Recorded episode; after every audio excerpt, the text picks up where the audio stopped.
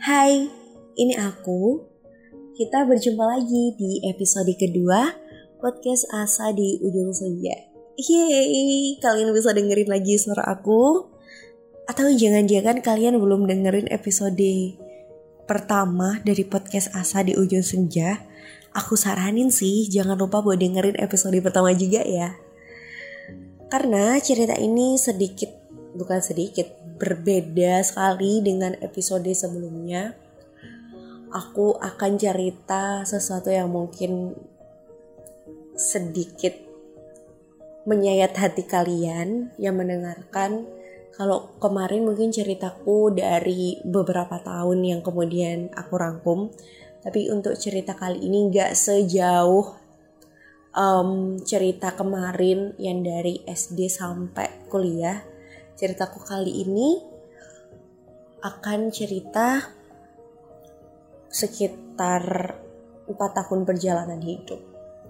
I think ceritaku kali ini juga bakal ngasih kalian sebuah pandangan baru mungkin atau ya setidaknya inspirasi barulah bagi hidup kalian nantinya.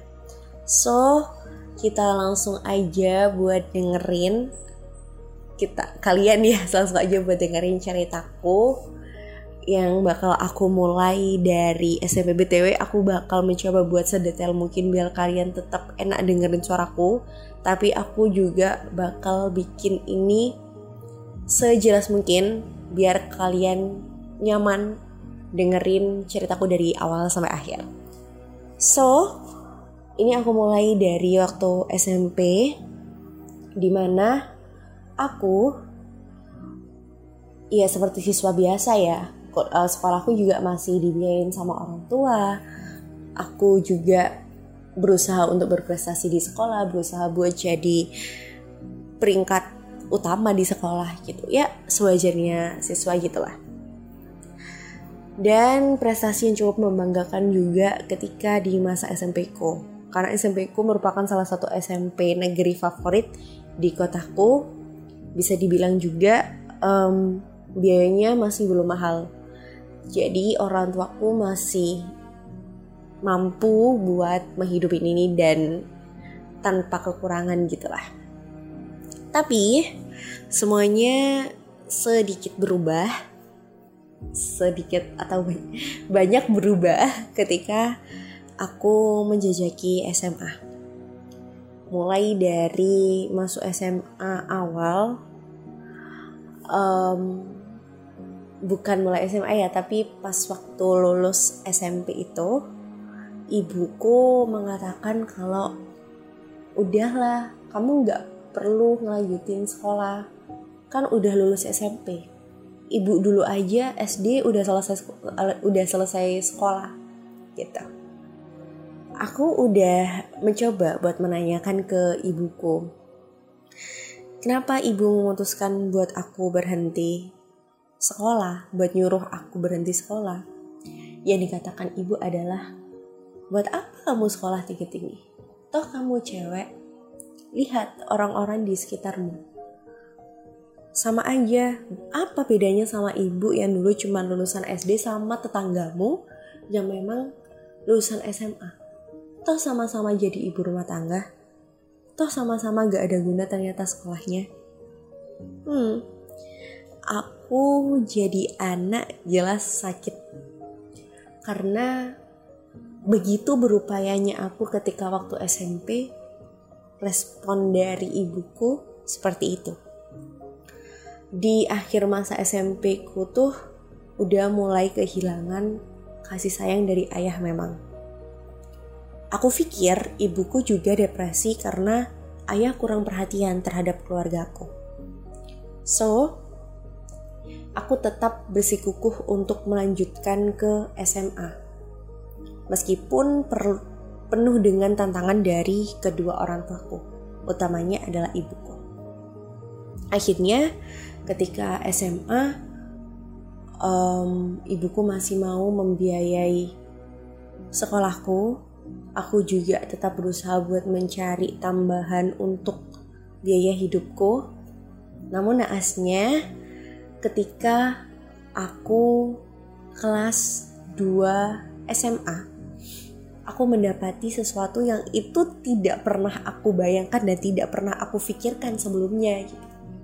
banyak sekali percekcokan apa sih kok percekcokan perselisihan antara ayah dan ibuku hampir tiap hari tiap hari mendengar kata-kata kasar yang keluar dari omongan ayahku tiap hari mendengar pukulan ayahku kepada ibuku. Jadi aku yang jadi anak itu sakit rasanya. Meskipun selama ini aku terlalu diperhatikan sama keduanya, tapi melihat mereka tidak sedamai keluarga yang lain itu sakit banget. Um, dan aku nggak tahu apakah ibu membalaskan rasa sakitnya itu ke aku atau gimana. Sejauh ini dari kelas 2 itu, ibuku sangat tidak peduli denganku. Mungkin teman-teman bisa ngerasain tiap pagi sekolah disiapin baju sama ibu, disiapin sarapan. Aku enggak sama sekali.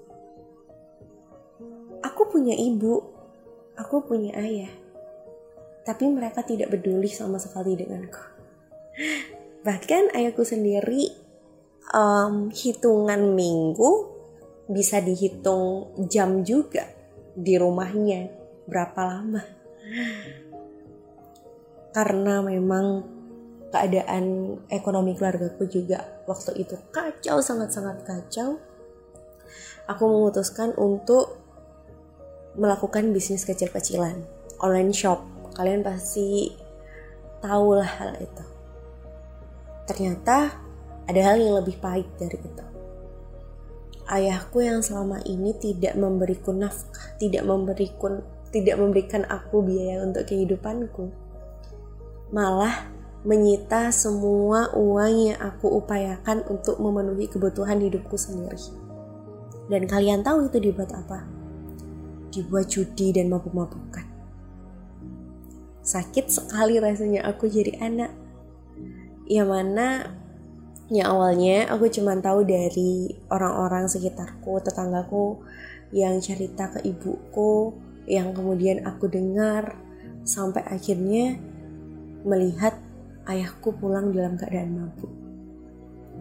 Entah aku yang salah ketika jadi anak tidak nasihatin orang tua atau atau kenapa aku juga nggak tahu. Tiap malam aku masih doain yang terbaik untuk kedua orang tua aku. Tapi ketika melihat ayahku tiba-tiba pulang dalam keadaan mampu itu sakit banget rasanya aku jadi anak. Kenapa aku doa orang tuaku yang kayak gini gitu? Padahal sebelumnya meskipun aku tidak terlalu diperhatikan sama mereka ya aku masih bisa nerima. Tapi ketika melihat seperti itu rasanya ya ya aku bisa apa juga gitu. Sampai akhirnya tiap hari um, kesalahan sekecil apa pun yang aku lakuin aku bakal dimarahin semarah-marahnya sama ibuku. Mungkin karena ibuku juga kesal dengan kelakuan ayahku sampai akhirnya aku kelas 3 aku kira ayahku cuman sejahat itu ternyata ada yang lebih jahat lagi. Yaitu aku mendapati ayahku menafkahi perempuan lain sedang ibuku tidak dinafkahi sama sekali. Aset semua yang keluarga punya dijual untuk membiayai wanita lain betapa hancurnya aku sebagai seorang anak. Sampai detik itu aku sempat kepikiran kalau aku tidak mau mengakui bahwasanya itu adalah ayahku. Jahat memang, tapi kalian pasti tahu rasanya itu. Tahu rasanya gimana seorang ayah tidak memperdulikan anaknya dan dan istrinya, tapi memperdulikan wanita lain di luar sana semakin hari semakin banyak percekcokan antara keluargaku, antara ibu dan ayahku. Rasanya aku jadi anak stres, depresi iya. tapi aku selalu dikuatkan sama banyak orang di sekitarku yang dekat sama aku ya kalau aku mampu gitu dan aku juga masih punya mimpi besar untuk bisa lanjut kuliah aku cuman berharap kala itu ketika aku menjadi orang sukses nanti aku bisa memberitahu hal yang benar ke kedua orang tua setidaknya aku bisa ngasih tahu ke ibuku kalau aku anaknya, aku butuh perhatian. Hmm. Bahkan kalau bisa ke ayahku. Kalau aku ini adalah bagian dari keluarganya yang butuh kasih sayang juga. Namun, tidak semudah itu. Ketika aku lulus dari SMA pengen masuk kuliah, ibuku sama sekali tidak meridoi atas aku kuliah. Padahal Aku ingin melanjutkan pendidikanku. Aku ingin, ya mereka tahu anaknya ini bisa kok buat lanjut kuliah, anaknya ini bisa kok sukses nantinya. Ibuku cuman bilang, ibu gak peduli dengan kuliahmu nanti. Ibu gak mau bayarin, ibu gak mau ngurusin aku gak pernah kepikiran kalau orang tua sejahat itu ke anaknya. Kalau orang tua gak mau anaknya berpendidikan, aku gak pernah terpikir untuk hal itu. Aku ke sana kemari untuk mencari info dari siapa pun yang bisa memberikan aku informasi. Akhirnya, aku mendapatkan sebuah jalan kalau ternyata um, kuliahan itu bisa bisa pakai beasiswa, bisa non bayar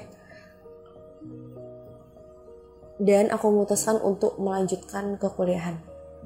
Kejahatan di diriku adalah aku memutuskan buat meninggalkan keluargaku. Aku rasa itu adalah toksik, racun bagi aku. Aku nggak tahu juga ketika waktu itu aku tetap bersama mereka dan tidak melanjutkan pendidikan, apakah aku bisa nyaman hidup Aku juga tidak yakin mereka bisa menjamin aku nantinya seperti apa. Mengingat mereka yang seperti itu memperlakukanku, bahkan tidak seperti anak mereka. Aku sebenarnya nggak tahu juga ya apa yang mereka pikirkan. Akhirnya aku tetap memutuskan untuk kuliah, masuk ke perkuliahan mencari beasiswa. Syukur alhamdulillahnya aku tetap bisa melanjutkan pendidikanku tanpa bantuan uang sepeser pun dari mereka. Biaya hidupku aku yang nanggung. Aku kerja part time di samping kuliahku. Aku nyari beasiswa. Aku selalu cari prestasi. Sampai akhirnya aku udah cukup banyak mendapatkan uang. Aku kembali ke rumahku memberikan uang itu. Ternyata kalian tahu, ibuku baru membuka mata. Karena uang, bukan karena anaknya. Tapi syukurnya, mungkin itu caranya Tuhan buat ngasih tahu ke mereka melalui harta. Mereka sadar kalau aku anaknya melalui materi yang aku kasih ke mereka. Tapi ayahku entah ke mana entah sudah dengan perempuan yang mana. Bukan aku tidak peduli, tapi aku lebih memilih untuk fokus terhadap siapa pun yang masih menganggap keberadaanku. Mungkin um, sekarang ibu sudah bersamaku dan sudah menganggap aku ada. Waktunya aku membahagiakan dia dengan caraku dan dengan apa yang dia mau. Meskipun tetap dengan harta dan tetap dengan uang yang selalu di pikirannya, tapi setidaknya cukup dengan perhatian dan kasih sayangnya. Aku sudah lebih dari kata bersyukur karena sejauh ini juga um, aku kurang sekali untuk mendapatkan hal itu. So, teman-teman, uh, meskipun aku sekarang masih kehilangan sosok ayah di hidupku, Tapi aku sudah bersyukur setidaknya sosok ibu yang aku idam-idamkan sejauh ini bisa kembali. Kalian gak nyangka pasti aku mampu menghadapi segala kesusahan di hidupku, segala permasalahan yang ada sendiri. Iya, kalian tidak usah takut dengan apa pun yang menjadi rintangan di hidup kalian. Kalian tahu, Tuhan tidak akan memberikan ujian kepada siapa pun ketika dia tidak mampu untuk melewatinya. Kalian dipercaya untuk melewati apa pun ujian yang Tuhan berikan.